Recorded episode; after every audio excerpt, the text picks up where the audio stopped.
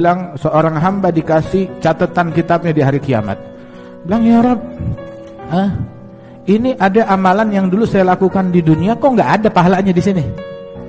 Banyak amalan saya lakukan tapi nggak dicatat, kayaknya ada yang kelupaan juru catatnya. Bilang lah, itu ada, cuma pahalanya udah dikirim buat orang yang ente gosipin.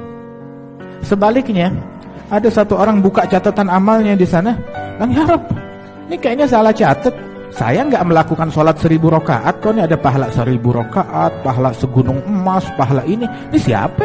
Ini kitab saya atau bukan? Kayaknya keliru. Bilang, lah memang bukan amalan kamu.